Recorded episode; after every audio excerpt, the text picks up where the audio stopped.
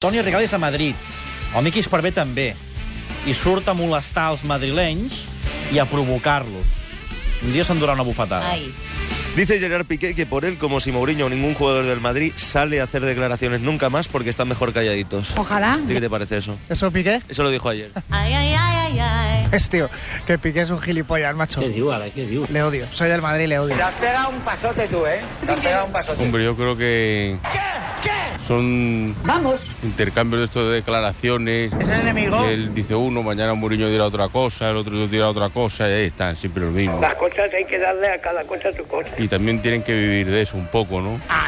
Hombre, yo no estoy muy de acuerdo con esta política que hay en Madrid ahora mismo, de estar calladito. Pero entiendo esas declaraciones porque siempre los del Barça, pues en cuanto les mentas al Madrid, pues como que quieren pasar un poco la patata caliente a otro, ¿no? ¿Seguro? No sé, que vayan a lo suyo y ya nos encontraremos en la final de la Champions, ¿no?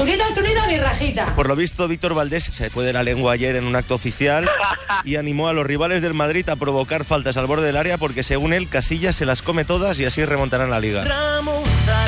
Ahí ya no me pillas, ¿eh?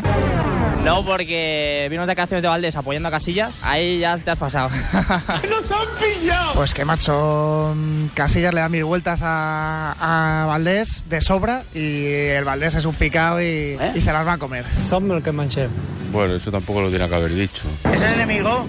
Provocar faltas yo creo que no, eso ya sí que no, no está bien. No Lo que se lo digan a Pepe, ¿no? Benet, a tu t'agraden les peces del Miqui Esparvé?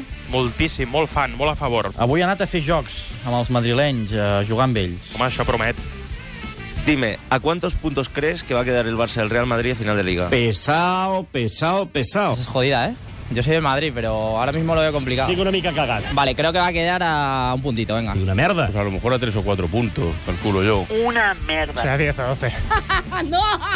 Yo creo que se va a quedar la cosa como está, a 6. Pasa que no. Soy madridista optimista, exactamente. Riure per no plorar. Oye, vamos a hacer un juego muy rápido. ¡Uy, Te qué doy la peligro! oportunidad de que me digas por qué crees que el Barça puede ganar la liga. És un gustazo. Pero sin usar las siguientes palabras. A veure. Árbitros, No. Villarato, No. Robo, Cristiano, peste! Mauriño y puntos.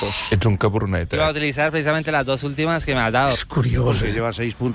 El Barcelona va a perder puntos. Pero puede ganar la liga porque todavía quedan muchos partidos, quedan muchos puntos. Es el mejor equipo del mundo. Hay que reconocerlo. Toma, toma, toma. Y ya está. Y todo lo que sea ganarle, pues para mí es una sorpresa. Tiempo. Messi.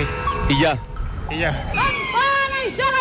Quiero que me ayudes a desmentir el tópico de rivalidad entre Madrid y Barcelona.